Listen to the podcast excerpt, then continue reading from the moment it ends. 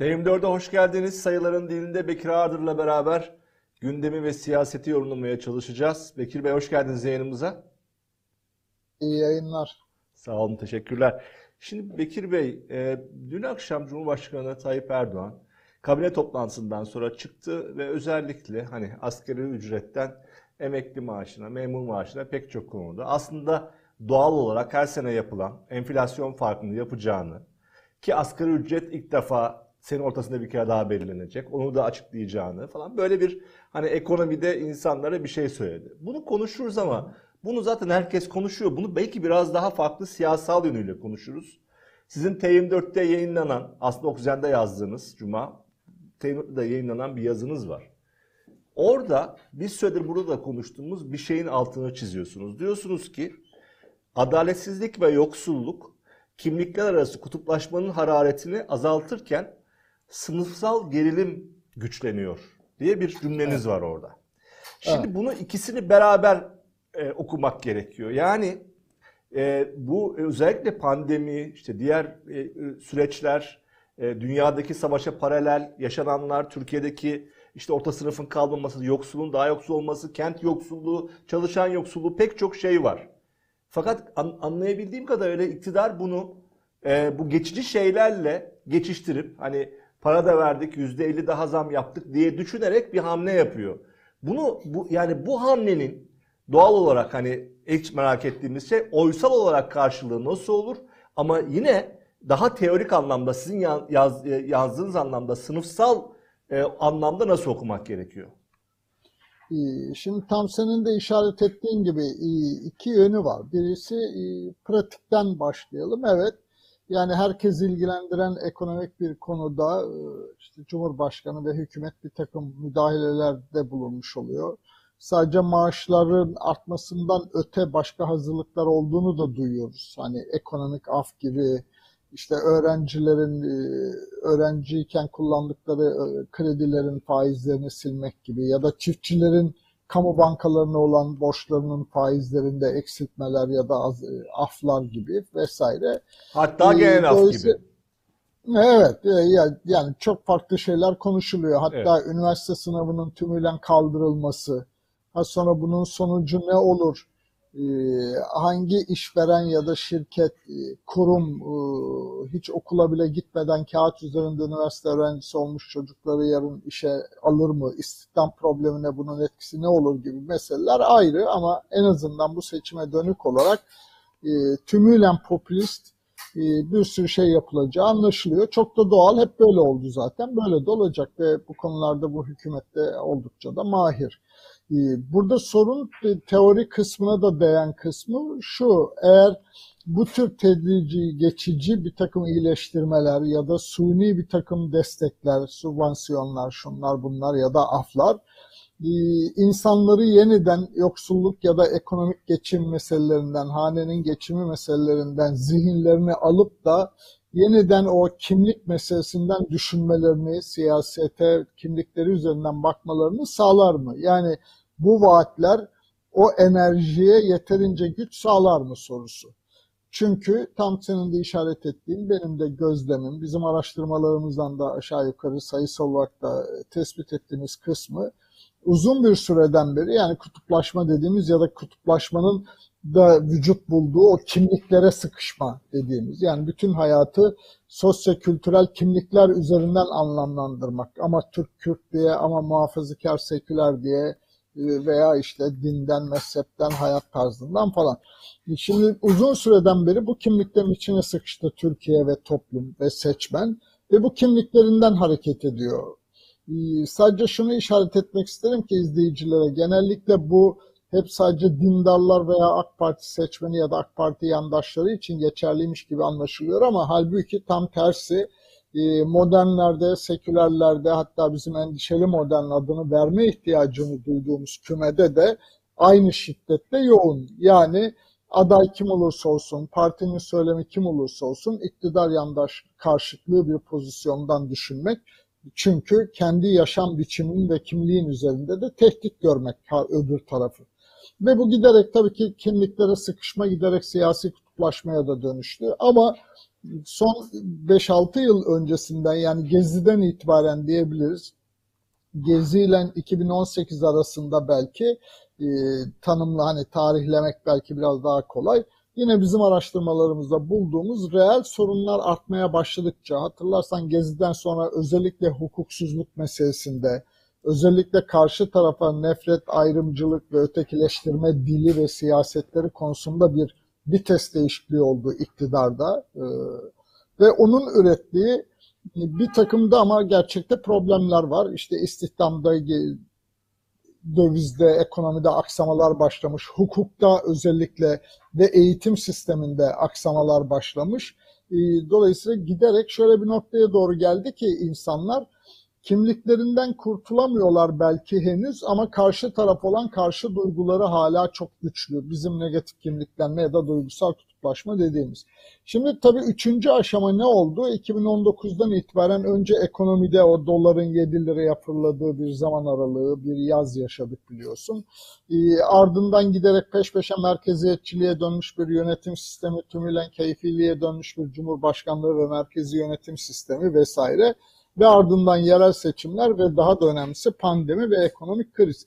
Dolayısıyla artık insanlar birbirlerine karşı duygusal veya kendi pozisyonları veya kendi kimliklerine olan aşklarından daha fazla oranda kendi hanelerinin geçimi derdine düştüler. Çok da doğal olarak. Yani hanenin dirliği, düzenliği, hanenin huzuru, hanenin mutluluğu, geçimi risk altına giriyorsa artık o kimlikler, soyut anlatılar anlamını bir yerden sonra yitirmeye başlıyor. Ama bir şey daha oldu. Pandemi ve bu yoksulluğun, adaletsizliğin bu kadar yaygınlaşması karşılıklı olarak birkaç tane önemli duyguyu harekete geçirdi. Birisi öncelikle özen. Yani insanlar önce kendi hayatlarına sonra sokaktaki, mahalledeki, illerindeki ve memleketteki hayata odaklanmaya ve özen gösterme ihtiyacı duyma e, hali e, bir yandan güçlenmeye başladı. İki, dayanışma arayışı. Çünkü hem pandeminin ürettiği bütün o birdenbire kapanmalar, birdenbire 4-5 milyon hizmet sektöründe sosyal güvencesi çalışan insanların işsiz kalması vesaire. Bütün bu hikayenin sonucunda insanlar dayanışmayı keşfetmeye başladılar. Ama komşular arası zaten aile içi dayanışma oldukça güçlüydü bu topraklarda ama mahallesinde, sokağında dayanışma meselesi ve üçüncü duygu empati. Yani karşımdaya kadar farklı kimlikten olduğu için karşı komşudaki insan, karşı komşu olan insanlarla konuşmazken günaydın ya da merhabaları bile esirgerken yani eksecere ediyorum elbette ama sonuç olarak hani aynı metroda, aynı otobüslerde, aynı iş yerlerinde aynı dertlerle karşılaşıyor olmanın getirdiği bir empati duygusu. Yani ben buna arzu diyorum. Yani bir arada yaşama arzusu artmaya başladı. Şimdi tam burada sorun şuradan başlıyordu ki insanlar bu arzuyu ya da fikri değişime ya da ortak yaşam konusunda daha iradi, daha arzulu davranmayı pratik olarak hayatlarına yansıtıp yansıtamadıkları, pratik olarak komşularıyla olan kültürel bir takım ya da kimliklerden vücut bulmuş bir takım duyguların pratik hayatta yok olup olmadığı meselesi. Bu tabii ki kolay olmuyor. Yani bir fikri dönüşüm var. Bizim bütün araştırmalarımızdan tespit ettiğimizde o. Ee, son 3 yıl içinde yaptığımız birçok araştırma, kamuoyuna açıklananları da var bir arada yaşama araştırması gibi. Ee, oralarda gördüğümüz şey ortadaki gri alanın oldukça büyümekte olduğu. Yani benim şöyle bir tezim var. Hani biz herhangi bir gerilimi hep çubuğu ya da bir ekseni ortadan kırmak ve ikiye ayrışmak diye anlıyoruz. Halbuki çubuk üçe kırılıyor. İki uç hem azalıyor hem daha sertleşiyor ama ortada bir üçüncü ve daha gri alan, hibrit alan, melez alan adını nereden koyarsak koyalım daha bir arada yaşama arzusunun güçlü olduğu, birbirine karşı empatinin, özenin, dayanışmanın güçlü olduğu bir başka gri alan oluşmaya başladı. Şimdi dolayısıyla bu tür politikalar bu gri alandaki insanların yeniden problemlerinin çözüldüğü umudu ya da varsayımıyla kimliklerine doğru dönmeleri arzusu ya da bir siyasi mühendisliğiyle yapılıyor bazı şeyler. Ee, bu dinamik bu gerçekten birebir böyle çalışır mı? Bana soruyorsanız çalışmaz. Ya da bu beklenen ölçüde ya da iktidarın hayal ettiği ölçüde olmaz. Ee, neden olmaz? Çünkü bir yandan artık bazı şeyler için çok geç. Yani ben şöyle bir metafor kullanıyorum sevgili Murat.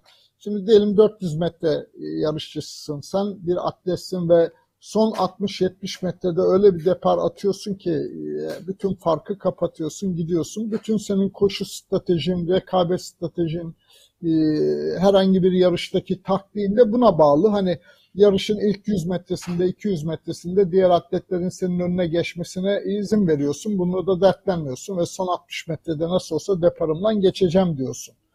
Ama aradaki fark o kadar açılmış durumda ki sen gerçekten son 60 metrede o beklediğin, yapabildiğin büyük deparı yaparsın, atarsın da ama ne 60 metre ne de onun gerektirdiği saliseler senin rakiplerini yakalamana yetmiyordur artık. Şimdi ben hükümetin böyle bir pozisyonda olduğunu sanıyorum. Neden böyle sanıyorum? Bunu sadece bir duygusal, tepkisel bir yerden okumak olarak değil de yine serin kanlı durmaya çalışarak e, anlamaya çalıştığımda gördüğüm şey hükümet iki yıldır ya da hatta üç yıldır hem pandemi konusunda hem de pandeminin ardından ve pandemiyle beraber başlayan ama ardından daha büyük bir tufana dönmüş olan ekonomik krizi ciddiye alıyormuş, bunu yönetmeye çalışıyormuş, problemin dinamiklerini kavruyormuş ve bunu yönetmek, çözmek konusunda da gayret gösteriyormuş gibi bir çaba, bir dil, bir siyaset dili, bir iletişim dili oluşturmadı. Tam tersine pandemi çok hafif bir şeymiş. Ekonomik kriz zaten çok suni geçici bir şeymiş. İşte Batılıların ya da döviz alıp satan bir takım kötücül amaçlı insanların ürettiği bir ekonomik krizmiş. Hatta muhalefetin ürettiği bir ekonomik kriz algısıymış gibi bir dil kurdu hep. Dolayısıyla hakikatten, gerçeklikten ilişkisi bozuldu ve vatandaş ya da seçmen hükümetin problemleri kavradığı ve problemleri yönetmeye çabaladığı gibi bir algıya sahip olmadı. Tam tersine hükümet sanki izliyor olanları gibi bir şey oluştu özü itibariyle. Bu orman yangınları meselesi içinde böyle, ekonomik kriz veya işsizlik meselesi içinde böyle hükümet adına konuşan bütün yetkililer ya da ekranlardaki bütün yandaşlar hatırlarsan peki döviz senin maaşın dövizle mi ki? Dövizin artışı seni niye ilgilendirsinkilerden tut da yani hemen her konuda problemi kavramak ve anlamaktan daha çok böyle bir problem yokmuş gibi bir dil kurdu. Dolayısıyla burada bir gerçeklik var. Bir de bu gerçekliğe karşı sizin kurduğunuz bir dil ve bir politika dizisi ve söylem var.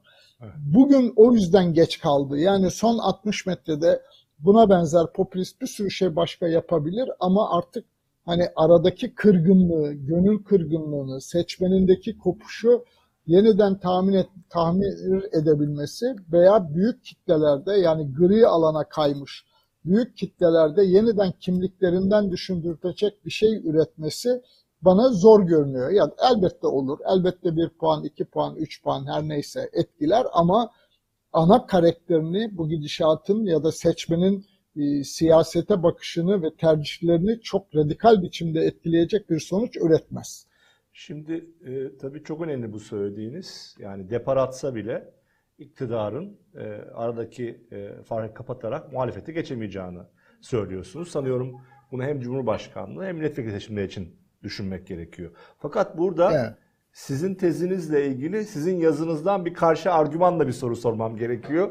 E, o yüzden evet. bu önemli. Çünkü e, siz hep gene burada söylediniz ama şöyle bir argüman var. Şimdi 35 30 yaşın altındaki gençler var.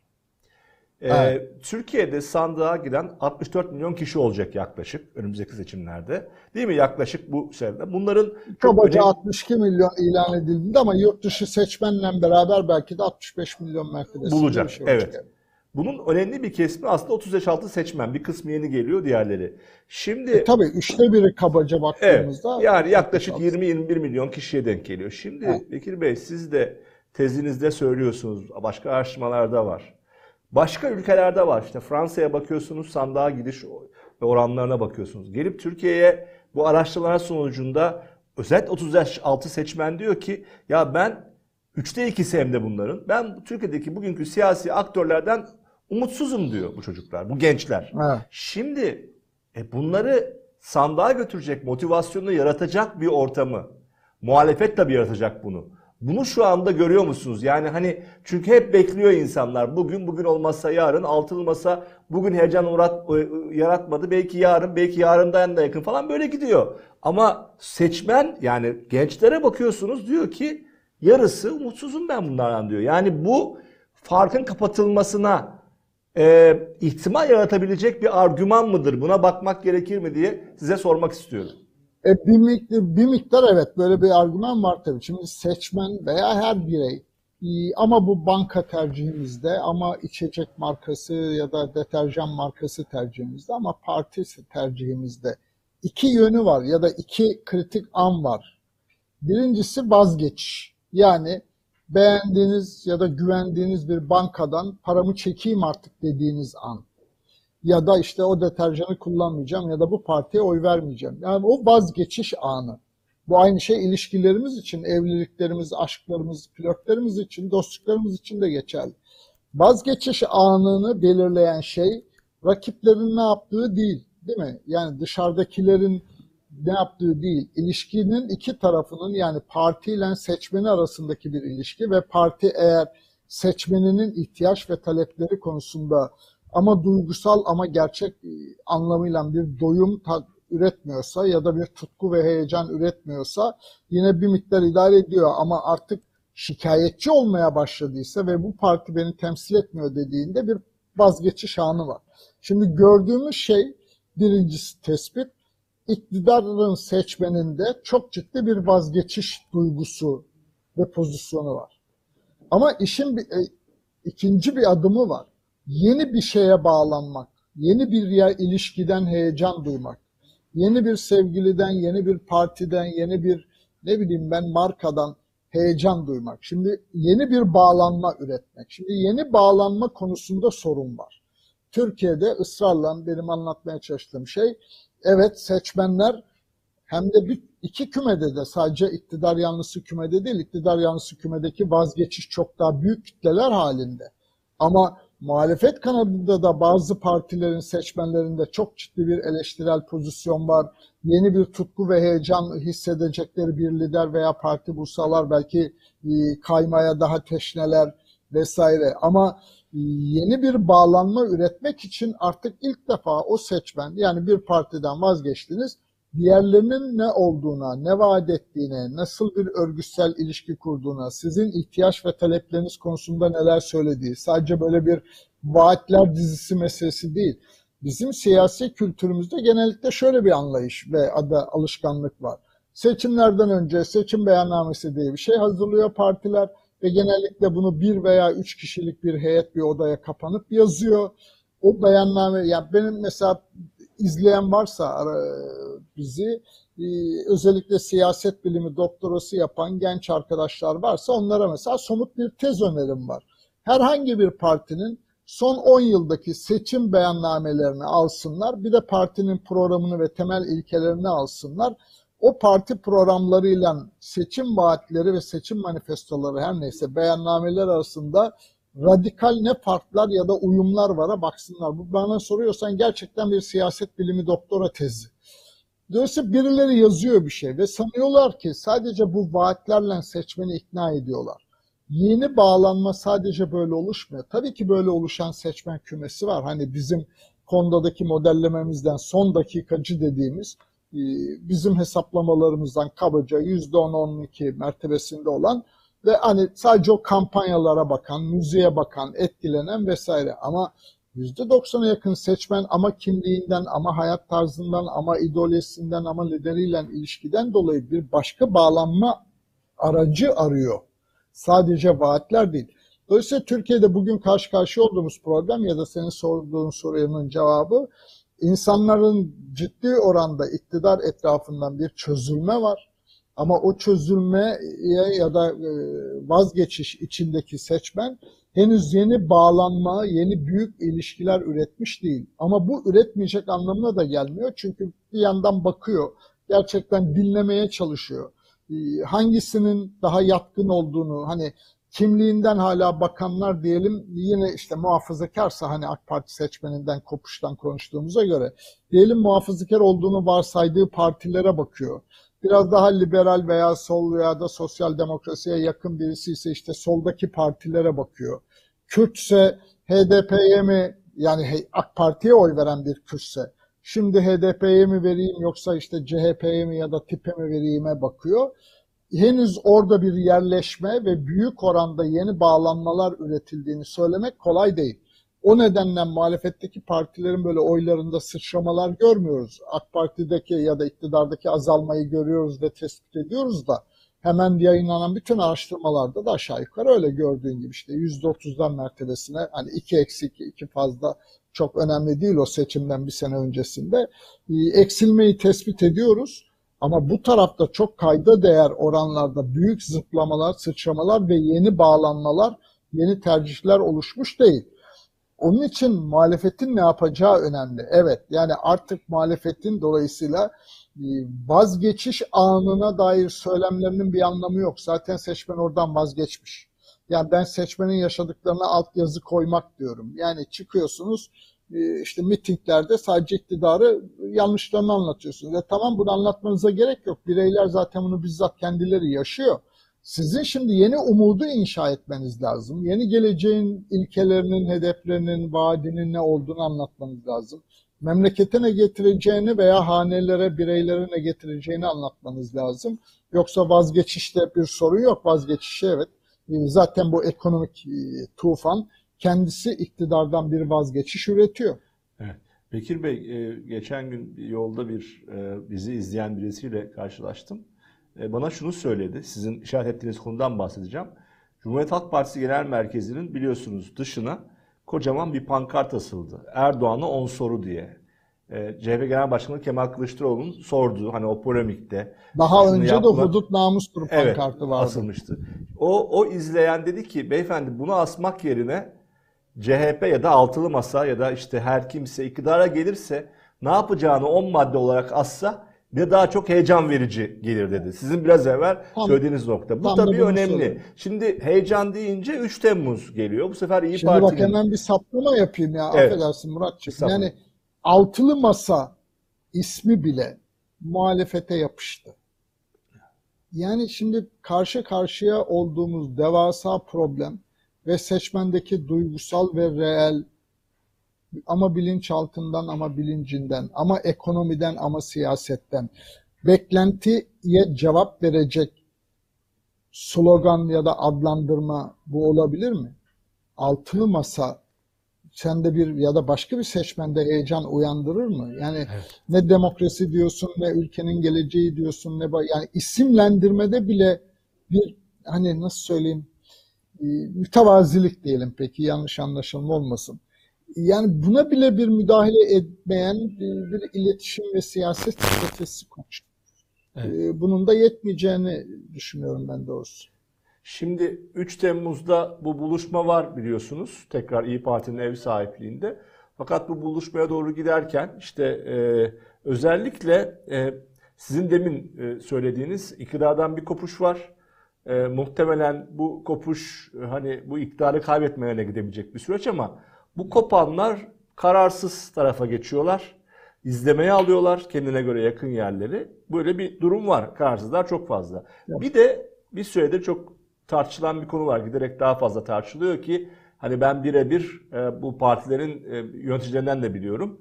E, İyi Parti ve CHP'nin e, giderek daha ortak bir tabana seslenmeye başlamaları ve İyi Parti'nin e, oylarını AKP'den çok, iktidardan çok CHP'den almaya başladığına dair de bir tartışma var. Siz nasıl bakıyorsunuz bu tartışmaya Bekir Bey?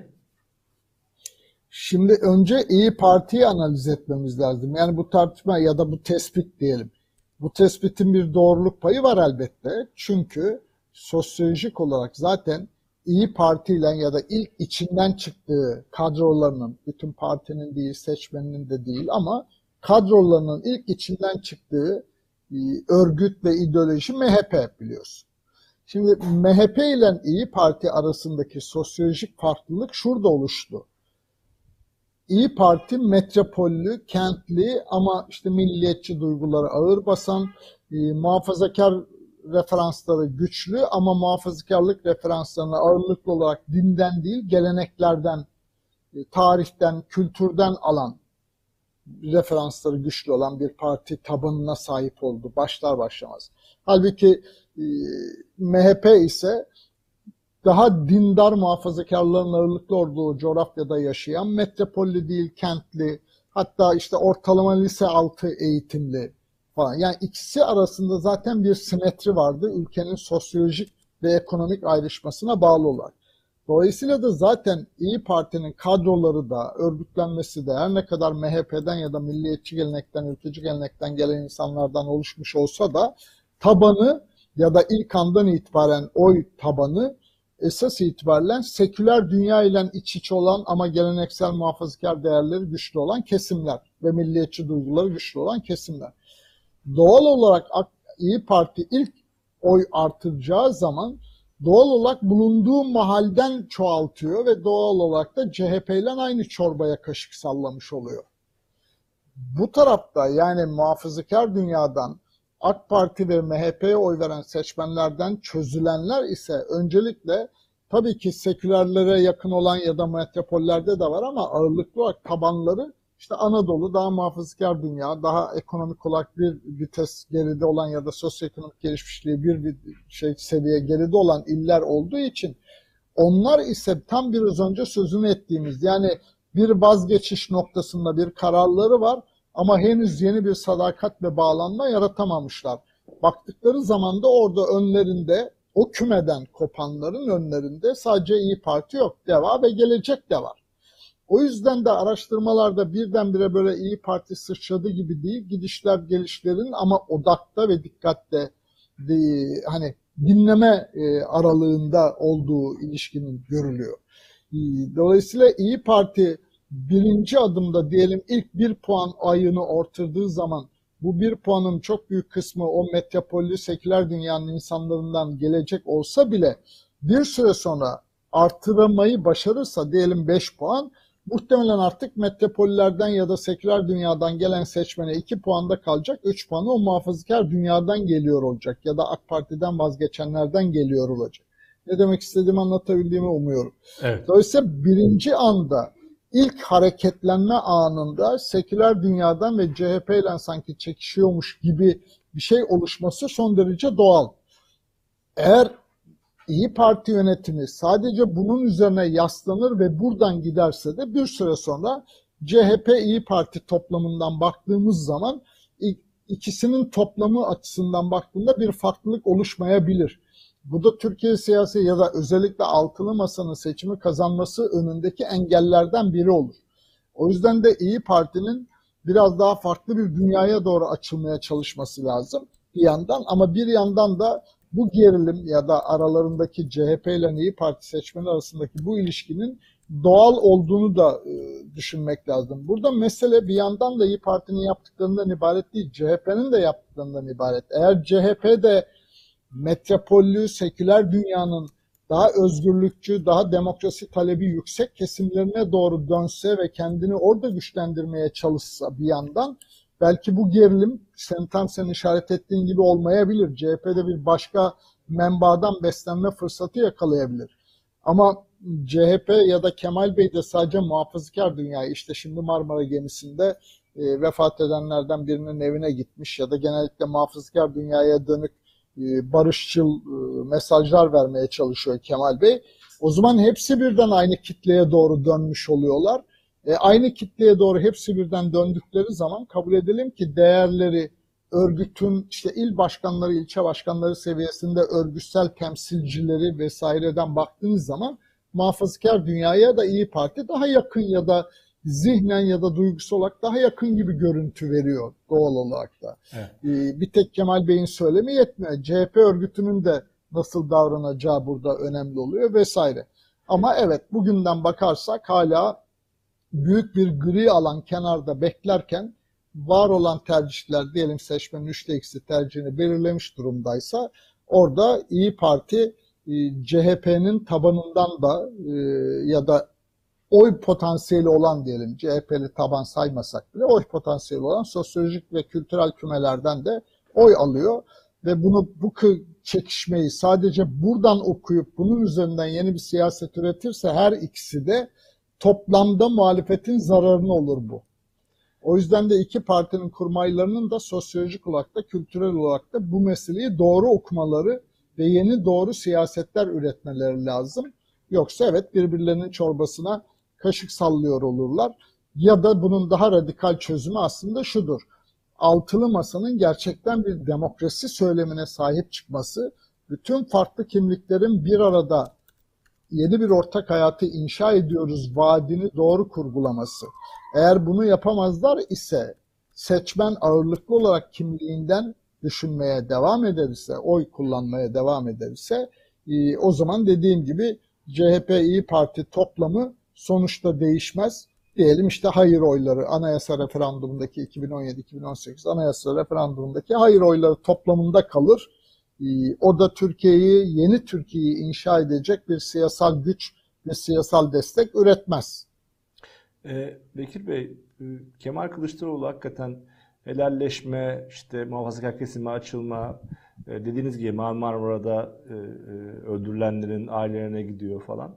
Fakat tabii insan mesela tabii çok fazla da konu var Türkiye'de ama mesela cumartesi insanları haftalardır 700. haftadan beri aradan geçen 140 haftada her hafta barışçıl bir şekilde 700 hafta gittikleri Galatasaray meydanına sokulmuyorlar. Ve bu e, cumartesi günü, geçtiğimiz cumartesi günü e, Arat Dik'ten e, İkbal Eren'e, Eren Keskin'e orada ya biz bu meydanda sesimizi barış şekilde duyurmak istiyoruz diyen insanlara çok ciddi bir polis şiddeti uygulandı. Gözaltına alındılar. Şimdi insan zaman zaman da hani bir sosyal demokrat olduğunu ilan eden bir kişiyi, bir, bir lideri, bir grubu da hani buralarda da, da bir daha görünür görmek de istiyor. Tabii çok konu çok fazla tabii. Bir taraftan da hani sadece her şeyi CHP'ye Kemal Bey'e söylememek belki gerekiyor ama o kadar fazla e, problem var ki. E, ama bütün bunlar açısından baktığınız zaman e, giderek hani aynı yere doğru e, konuşmaya devam eden sadece AKP'den oy almak için ama zaman zaman kendi tabanlarının kendi tabanlarının işte bu devamlılığının hassasiyetlerinin sanki biraz daha geride kaldığı ama sizin de hep işaret ettiğiniz bir şey var. Yani e, liderlik başka bir yere gidiyor ama örgüt taban tam buna uyum sağlayıp özellikle örgüt tam uyum sağlayamıyor dediğiniz bir noktada var. Bunlar nasıl örtüşecek ve bunlar bu süreçte nasıl gidecek sizce? Valla bir kere yapılması gereken bunu sıkça da konuştuk. Yani işte altılı masa ismi de dahil. Önce bir kere bir siyasal strateji nin tanımlı olması lazım ve o siyasal stratejiye göre de bir iletişim stratejisi olması lazım. Ve de bunun da altılı masa veya adı her ne olacaksa bütün aktörlerin de uyacağı bir ana iskeletinin, bir ana karakterinin, e, renginin, söyleminin olması lazım. Henüz Siz altılı masanın isminin bir kere değişmesi gerektiğini düşünüyorsunuz. Onu anladım. Yani bu ismin içinde demokrasi canım, yok, başka bu değişmesi gerekiyor değil marka, mi? altılı masa diye bir siyasi marka olabilir mi canım? Yani evet. birinci toplantı için anlarız evet ama yani ikinci, üçüncü toplantıdan sonra hala altılı masa yani altılı masa lafının nasıl bir umut ve heyecan uyandırmasını bekliyoruz ki? Evet. Ya da o kadar kuvvetli söylemler vardır ki ve liderler gözlerinden ateşler saçarak o demokrasiyi öyle anlatıyorlardır ki ismin önemi kalmaz. Ama öyle de değil. Yani dolayısıyla burada problem hani ülkeye bir yeni yani Türkiye'nin meselesi ne sevgili Murat? Ekonomik reformlar ama sorun şurada ki ekonomik reformlar kadar siyasi reformları, yönetim reformunu aynı anda yapmadan ve hatta büyük toplumsal uzlaşmayı aynı anda inşa etmeden çıkışımız yok.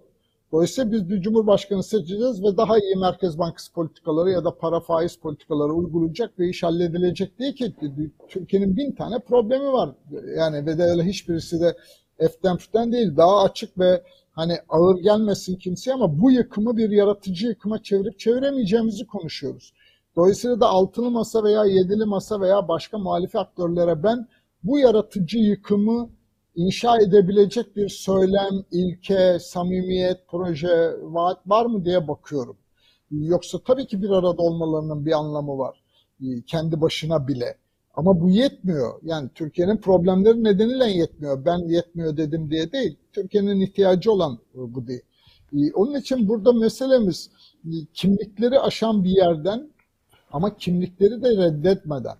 Yani kimlikler yokmuş gibi davrandığımız zaman ya da kutuplaşmalar yokmuş gibi davranarak bunu halledemeyiz her şeyden. Şimdi burada konuştuğumuz problem nerede? CHP'nin ya da Kemal Bey'in yani birçok şimdiye kadar gerçekten olumlu da bu bulacağımız topta hani heyecan uyandıracak çok şey de yapılıyor. Hiç yapılmadı anlamında demiyorum ama şu son 10 günde yapılan işte İsrail'le hükümet yeniden ilişki kurdu. Onu mesela yeniden biz bunu unutmuyoruz, unutmayacağız Marmara e, katliamı meselesini diyen bir söylem mesela. Ya da işte NATO meselesi var ya da NATO ile beraber işte Avrupa Birliği meselesi var. Oralarda falan daha böyle bir ulusalcılığa yakın bir söylem tutturmuş olmak. Ben bunu gerçekten anlamıyorum. Yani Türkiye'nin ihtiyacı ne? Türkiye'nin ihtiyacı bütün dış politikasında yeniden barışa, huzura ve dengeli bir dış politikaya dönmek mi yoksa yok ya hükümet kavgaları eksik bıraktı biz o eksikleri tamamlayacağız mı demek? Yani bir kere gerçekten şu son 10 gündeki dış politika konusunda yapılan şimdiye kadar yapılmamıştı bir şeyler dış politika konusunda ama son 10 gündür yapılmaya çalışan ya da söylenen bazı sözleri gerçekten anlamlandıramıyorum zihin dünyamda. O zaman da olsa olsa herhalde şu diyorum yani AK Parti'den çözülen seçmen ya da Türkiye'nin büyük kahir ekseriyeti muhafazakar, dindar evet sosyolojik olarak, kültürel olarak böyle olduğunu biliyoruz. Ama demek ki biz siyasetçiler olarak da bu şeyi yani oy verme davranışını, tercihlerini bu kimliklerin dışında bir yerden düşünmesini istemiyoruz. Yine seçmen böyle davranacak. Biz de demek ki onlara yakın bir muhafazakar değerler manzumesinden konuşalım gibi bir kabul görüyorum. Yanılıyor olabilirim ama yapılan adımlar hep bu kabul üzerine inşa ediliyormuş gibi görünüyor. Bu da yetmez. Kaldı ki buradan seçimi kazansanız bile yeni Türkiye'yi inşa etmeniz için de yetmez. Yani çünkü demin başta söylediğim gibi Türkiye'nin sorunu üç tane. Yani ekonomik reformları, yapısal bütün reformları yapacaksınız. Siyasi ve hukuki bütün reformları yapacaksınız. Ve büyük toplumsal uzlaşmayı üreteceksiniz. Büyük toplumsal uzlaşmada elbette muhafazakarlar olmadan, daha önce AK Parti'ye oy vermiş seçmenlerin de ihtiyaç ve talepleri olmadan olmaz. Ama sekülerler ve Kürtler olmadan da olmaz. Ama sekülerlerin oyunu çantada keklik sayıp sadece muhafazakarların gönlünü hoş edecek laflarla seçim yapmaya çalıştığınız zaman oradan büyük siyasal çoğunluk çıkmaz. O zaman da riskiniz şu olur işte biraz önce senin en programın başındaki oksijen yazısında atıfta bulunduğun şey. Genç seçmen, 30 yaş altı seçmen bu kimlikler üzerinden düşünmüyor ağırlıklı olarak. 30 yaş altı seçmen daha cin, toplumsal cinsiyet eşitliği üzerinden, çevre üzerinden bakıyor. Yani kültürel gerilimlerden daha çok kendisi ve yer küre üzerinden bakıyor. Dünya üzerinden bakıyor, hayatı sorgulamaya çalışıyor. O zaman iktidarın sorgulamadığı konusunda ya da iktidarın kendine var sayacağı ortamı yaratmayacağı konusunda kafası net. Ama muhalefetin de bunu sağlayacağı konusunda bir umut görmedikçe bana ne bu siyasetten haline dön, duygu haline dönüyor. Ve siyaset ve altılı masa gençlerin bu duygularına, bu arayışlarına, bu ihtiyaç ve taleplerine bir cevap üretmediği sürece sadece öyle işte iki Zoom toplantısı yaptık. Bu blue giyip de bir öğrenci evinde akşam sofrasına, yer sofrasına konuk olduk gibi sakil bir takım işlerle de o 20 milyon genci ikna etme şansları yok. O zaman da evet bütün bu konuştuğumuz hikaye seni beni bizim yaşımızdaki insanları ilgilendiriyor ama 30 yaş altındaki 20 milyon seçmeni ilgilendirmiyor. Ve 20 milyon seçmenin önemli bir kısmı sandığa gitmediği zaman bizim yaşımızdakiler ya da 30 yaş üstü 40 yaş üstü seçmenin davranışları aşağı yukarı belli. O zaman da hani o büyük beklediğimiz reformları yapacak siyasal çoğunluk oluşmuyor. Tabii e, bu çoğunluğu ararken e, gene hep burada konuştuk. E, iki buçuk yıldır yapıyoruz programı. Hep aynı şeyden altını çiziyoruz. Hani hiçbir aslında grubu, kişiyi, kitleyi arkada bırakmadan gitmek gibi de bir şeyi de konuşuyoruz. Çünkü yeni bir hikaye, sizin de hep kullandığınız deyimle yazacaksak Türkiye'nin bir ortak hikayesi yapılacak. Bu ortak hikayede hep bir tarafa doğru ayrılan, e, görmemezlikten gelinen, iktidar tarafından ağırlıklı olarak kriminalize edilen, altılı masanın da aman biz beraber fotoğraf vermeyelim diyen bir kitlesi var. Kürt seçmen ya da HDP'li seçmen. Onların da 3 Temmuz'da bir e, kongresi var. E, çok büyük ihtimal e, bununla ilgili haberler çıkıyor. Mithat Sancar ve Pervin Buldan devam edecekler. Özellikle Mithat Sancar hani daha evvelki süreçlerde olmuş son derece sakin bu işi yürüten bir e, isim. E, zaman zaman Edirne'deki eski eş başkan e, Demirtaş'la görüş ayrılıkları olduğu da haberleri de geliyor. Tabii 3 Temmuz'da da bir hani onların da açıklayacağı, gündüzleyin onlar konuşacaklar, akşamleyin adını beğenmesek de altılı masanın bir toplantısı olacak. Pazar günü hareketli siyasetten bir gün. HDP kongresi e, ve e, HDP'nin durumu, duruşu, e, kapatma davası, e, işte yeni tutuklamalar, yeni dalgalar buradan nasıl bir e, nokta gelir acaba? Yeni açılım dedikoduları. Evet, tabii. ya şimdi bütün buradan bakınca tabii yani e, HDP'nin yani önce aktörü üzerinden bakalım. HDP'nin e, bir yandan tabii ki sıkıştığı alanlar var. Yani hem bir yandan hükümetin bu kadar sıkıştırmaları, örgütsel bazda bir sürü sorumlusunun, yetkilisinin sürekli tutuklanıyor ya da gözaltına alınıyor olması vesaire. E bir yandan da psikolojik olarak öyle bir e, suçlanma ve terörle ilişkilendirme e, saldırısının altındalar ki işte e, altılı masadakiler bile daha temkinli davranmaya çalışıyor. E, yani her birisi e, aynı biçimde elbette bakmıyor ama yine de daha temkin altılı masanın ortak tavrı HDP'ye karşı bir temkinli bakış ya da temkinli bir işbirliği e, arayışı diyelim. E, ve de HDP bir yandan da hani bu konuda kendini sürekli dışlanmış bir pozisyona itildiği için de can havliyle yazılı olarak da iki kez, üç kez yanlış hatırlamıyorsam somut biçimde e, hani ülkenin siyasetinden ya da seçimlerinden veya da seçimden sonrasından ne beklediğinin de ilkelerini de ilan etti vesaire. Ama işin pratiğinde anladığım kadarıyla e, giderek evet tamam HDP de tip dahil diğer sol partilerle bir başka ittifakı oluşturacağı anlaşılıyor. Milletvekili seçimlerinde ayrı bir listeyle girecekler. Bu, bu anlaşılıyor. Burada sorun Cumhurbaşkanlığı seçimi meselesinde nasıl bir işbirliğinin ya da desteğin karşılıklı oluşup oluşmayacağı ya da HDP'nin başka bir aday çıkarıp çıkarmayacağı. İki, altılı masanın Cumhurbaşkanı adayının da altılı masanın da ama özellikle Cumhurbaşkanı adayının HDP'ye ve HDP seçmenine seçimi kazandığında gündelik pratikte en azından ne yapacağı veya hangi ilkelerle bu meseleye bakıyor olduğu konusunda onlara bir güven ya da ikna süreci inşa edip edemeyeceği. Ee, eğer o adayda Kürt meselesi yokmuş, Kürtler de yokmuş gibi davranırsa başka bir durum olur ve o zaman HDP evet bağımsız aday da çıkarabilir sonuç olarak falan. Şimdi o ilişkinin gelişeceğini şu anda kestiremiyoruz, bilmiyoruz da ama HDP en azından e, böyle bir ilişkiye sıcak bakacakmış. Yani Cumhurbaşkanı adayı konusunda en azından fikrinin, kanaatlerinin sorgulanmasını ya da kendilerine de sorulması gerektiğini e, ima ediyor. Haklılar da ayrıca. Bunda bence yanlış bir şey yok. E, ama seçmeni bazından baktığımız zaman meseleye ki HDP'nin kapatılması ya da yeni bir açılım sürecini hükümetin başlatıp başlatmaması, açılım süreci midir o, seçimlere dönük bir hani ad, e, manevra mıdır, e, samimi veya olan veya olmayan e, bir geçici manevra mıdır?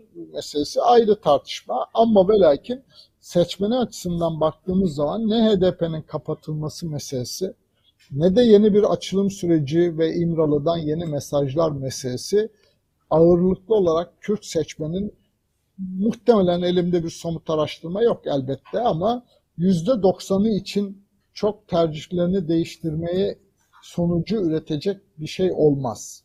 Yani açılım süreci oldu diye HDP'ye oy veren Kürt seçmenler birdenbire AK Parti'ye daha sıcak bakmaya başlamayacaklardır. HDP kapatıldı diye HDP'ye oy verecek seçmenler birdenbire seçimlere gitmiyoruz artık biz de demeyeceklerdir. Çünkü sosyolojik olarak ve de siyasal olarak Kürt seçmen veya HDP'nin tabanı olan e, Türkler de dahil ama ağırlığı Kürt seçmenin e, ihtiyaçlarını, taleplerini, bu konudaki bilincini, farkındalığını yok saymak bu.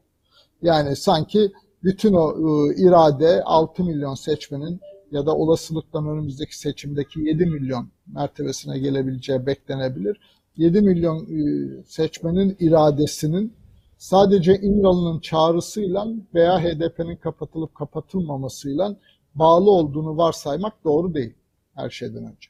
Ama kültürel olarak artık Kürtler ama muhafazakar olsun ama seküler olsun. Ama dindar olsun ama dindar olmasın. Özü itibariyle artık Kürt kimliği üzerinden oy veriyor ağırlıklı olarak. Dolayısıyla AK Parti de orada azınlığa düştü. Her şey hani daha önce hep AK Parti konuşuyorduk ya 2011-2012'ye kadar AK Parti Kürtlerin partisi benim diyordu. Gerçekten 100 Kürt seçmen varsa 50'sinin oyunu AK Parti, 40'ının oyunu da işte o zamanın BDP veya HDP'nin öncüsü partiler alıyordu. Ama şimdi artık bu oran 100 Kürt seçmenin 70-75'i HDP'ye veya ardından gelen partiye oy verecek ve de HDP'nin ekoloji politikalarını onayladığı için HDP'nin bütün bu dış politikaya dair söylemlerini onayladığı için değil, bir Kürt kimliğinin siyasi tercihlerinin Ankara tarafından bu kadar manipüle edilmesi, kayyumlar atanması, milletvekillerinin tutuklanması ve Kürt kimliği yok ya da Kürt meselesi yokmuş tavrına karşı ben varım demek için oy verecek. Dolayısıyla o ben varım duygusunu sadece İmralı'nın bir mesajına bağlamak ya da Anayasa Mahkemesi'nin bir kararına bağlamak doğru olmayacağını düşünüyorum. Bekir Bey son olarak e, size şunu sorayım. Şimdi bu orman yangınları sırasında e, bir e, İçişleri Bakanı Süleyman Soylu bir idamın tekrar geri getirilmesiyle ilgili bir konuyu gündeme getirdi. Cumhurbaşkanı Erdoğan buna hani olabilir, düşünülebilir dedi. Bugün e, biz yayından e, bir süre evvel biten MHP grup toplantısında Devlet Bahçeli, MHP Genel Başkanı, o da e, yani daha geniş terör suçlarını da kapsayacak, kadın cinayetlerini, tecavüz terör suçlarını da kapsayacak genişlik ve esneklikte olmasını bekliyoruz, ümit ediyoruz. Meclise gelse de destekleriz dedi. Yani başka türlü bir tekrardan yolların başka türlü daha eskiden olduğu gibi bir eğer bu politik bir şey değilse daha sertleştirerek bir noktaya doğru gitmenin de sanki adımları da atılıyor olabilir. MHP'nin de önü çektiği bir şekilde. Yani idamın tekrar gündeme gelmesi, konuşulması, tartışılması. Bir taraftan e, suç örgütü liderlerinin tekrardan hani bu e, internette kimi görüntülerle, kimi şeylerle var olmaya başlaması bu eski Türkiye'nin hakikaten kötü. Yani yeni ve özgür ve daha güzel bir Türkiye'ye eskinin kötü alışkanlıklarıyla gidilebileceği yolundaki bazı ne bileyim kendine gazeteci diyen, aydın diyen insanların da katılımıyla bir noktaya doğru gidilmesi. Tabii bunların her biri de zaten kaotik olan Türkiye'yi sanki daha da kaotik, daha da insanların kafasını karıştıran, daha da mutsuz edecek bir tartışmalar konusuna diye de götürüyor diye düşünüyorum. E, elbette yani e, bir kere idam meselesinin gündeme getirilişinin orman yangınlarıyla, kadın cinayetleriyle falan ilgisi yok. Ne ima edildiği açık. Tabii. Yani e, Kürt seçmenin oyu etrafında ya da işte 6-7 milyon mertebesindeki bir oy ki e, önümüzdeki seçimlerde geçerli oylar üzerinden bakarsak %13-14 aralığında kabaca bir oyu konuşuyoruz. E, bu oyun duygularını manipüle etmeye çalışan ya da kaygılarını, korkularını ya da kendince önem verdiği meseleleri manipüle etmeye çalışan e, bir söylem bu bence. Yani idam meselesinin yoksa kadın cinayetleriyle falan ilgisi olduğunu sanmıyorum. E, bunun da dediğim gibi tutacağını da sanmıyorum. Ama burada hikaye e, senin işaret ettiğin mesele. Yani Türkiye siyasetinin özü itibariyle dünyanın gidişatı ve Türkiye'nin bu gidişat içindeki pozisyonu, ihtiyaçları, talepleri, toplumdaki değişim, toplumun arzuları, ihtiyaçları, talepleri üzerinden değil, geleneksel siyaset yapma kültürü, siyaset tarzı üzerinden hala devam ediyor oluşu. Ama kasetlerden medet ummak, e, ama işte birbirinin insanlarını kötülemek, ama e, hakim olduğu meclislerde birbirinin e, projelerini engellemek, ama işte e, hani e, geçenlerde de söz ettim galiba 50 e, ile 60 arasını yeniden okuduğumda da ben çok şaşkınlığa düştüm doğrusunu istersen. Orada da öyle bir durum var ki hani ekonomi 56-57'de ekonomi darma duman olmuş. İşte dış kredi aranıyor vesaire. Ama o günün muhalefeti de ya dış kredi gelir de ekonomide bir soluklanma olursa iktidara yarar bu diye bir, bir tavır alınıyor falan. Şimdi bugün de işte biraz önce konuştuğumuz dış politika hamleleri falan da birazcık böyle. Yani kategorik bir e, ülkenin yararı üzerinden, ülke için gerekli, doğru olan üzerinden değil de kendi siyasi e, pozisyonun üzerinden bakma hali buradan da kurtulamıyor. O zaman buradan kurtulup yeni bir siyasi manevra üretemeyince işte bir suç örgütü liderinin kasetlerinden medet umuyorsun. İktidara bağlı e, kurumların BDDK'nın Merkez Bankası'nın yanlış politikalarından medet umuyorsun e, falan. Halbuki e, bugün her hafta sonu muhalefet ekonomi konusunda bile veya dünyanın gidişatı dış politika konusunda bile illa miting bile yapmaları da gerekmiyor. Gerçekten yeniyi tartışan, dünyadaki bütün bu gidişatta nasıl müdahale ederiz, Türkiye buradan bu badireden nasıl çıkar üzerine? Siyaset tartışıyor olsa, bildiklerini ve yapacaklarını anlatmak değil, sadece entelektüelleri, aydınları, sade bireyleri, hani sadece bakkal ziyaretlerinden ibaret değil ki seçmen ilişkisi, yani e, birazcık da ülkenin okumuş yazmışlarıyla, sivil toplum örgütleriyle, sivil hareketleriyle, sivil aktivistleriyle bir karşılıklı etkileşim mekanizması kurabilseler bile sokakta bir heyecan, bir umut inşa edilmeye çalışılıyor, çalışılabilir. Ama bu bile ihmal ediliyor mesela. Yani sonuçta bu tür toplantılara geliyor partililer, e, işte basın toplantısı yapar gibi kendilerini anlatıyorlar ve gidiyorlar. Peki anlattıkları eğer gerçekten her şeye uygun ve doğruysa ve hepimizin ihtiyaç ve taleplerini karşılıyorsa mesele yok. Ama öyle de değil ki. Yani bilişim teknolojilerinin ürettiği riskleri ve fırsatları yüksek seçim e, kurulunun kararları ya da uygulamaları ya da seçim sürecindeki uygulamalara etkileri diye bile birazcık daha sivil aktivistlerle, sivil toplumla daha yoğun bir ilişki kurulabilse belki altılı masa ya da partilerin hepsi daha somut, daha radikal pro şeyler, projeler üretebilirler ya da daha doğruyu yapmak yolunda bir mesafe alabilir. Ama böyle bir ilişki de çalışmıyor. Yani dönüp dolaşıp hep aynı sıkıntının, aynı eski geleneksel siyaset tarzının içine sıkışıyoruz. E buradan da işte o büyük heyecan olmuyor. Yani dolayısıyla sorumuz şudur. Sen buradan şimdi bu yayın bittiğinde, aşağıya indiğinde, meydana çıktığında, insanların yüzünde ya az kaldı bu sıkıntıdan çıkıyoruz heyecanı mı göreceksin yoksa abi mahvolduk akşama nasıl getireceğiz diye bir karamsarlık, yeis, kaygı mı göreceksin? Herhangi bir partinin lideri de sokağa çıksın baksın insanların gözlerine. Hangisini görüyorlar sonra yatırım yapsınlar. Peki başka ne diyelim ki yani? Bekir Bey e, sonunu çok şeyi bağladınız. Ben de şimdi o nota bakıyordum. Türk İş'in e, biraz evvel yayınladığı araştırma sonuçlarına göre 4 kişilik bir ailenin açlık sınırı 6298 liraya, ya. yoksulluk sınırı 20818 liraya geldi. 20818 lira yok. Türkiye'de hani insanların maaşları ya da bir babanın eve nasıl kaç liraya baktığını falan filan biliyoruz. Bakın açlık sınırı 6298 lira. 4 kişilik bir ailenin. Şimdi böyle bir şey olduğu zaman dediğiniz gibi ben de sizde Türkiye'yi ve sokaklara çok dolaşan insanlar olarak hep yolda çeviren ya da yüzüne baktığımız insanlarda ne yazık ki bunun soru işareti, buradan nasıl çıkılacağın e, ve bu bir sene nasıl geçer seçime kadar ya da seçimden sonra ne olurun soru işaretlerini fazlasıyla görüyoruz. Belki muhalefetin de burada fazlasıyla cevap, yanıt yaratması gerekiyor ki bu insanların yüzünde biraz olsun az kaldı. İyi Parti'nin de sloganı meşhur. Aynen öyle. Ve imajı olsun. Aynen öyle. Peki. Aynen çok öyle. Yani somut, somut bir sayıyla somut bir sayıyla bitirelim kardeşim. Evet. Bakın ülkenin kabaca İstihdama dahil insanların sadece yarısı istihdama dahil, öbür yarısı hatta yarının da biraz altında da öbür yarısı emekliler, ev kadınları, öğrenciler vesaire. O yarının da zaten üçte biri işsiz. Tamam. Geri kalan üçte ikisi çalışıyor. Yani toplamın üçte biri çalışıyor.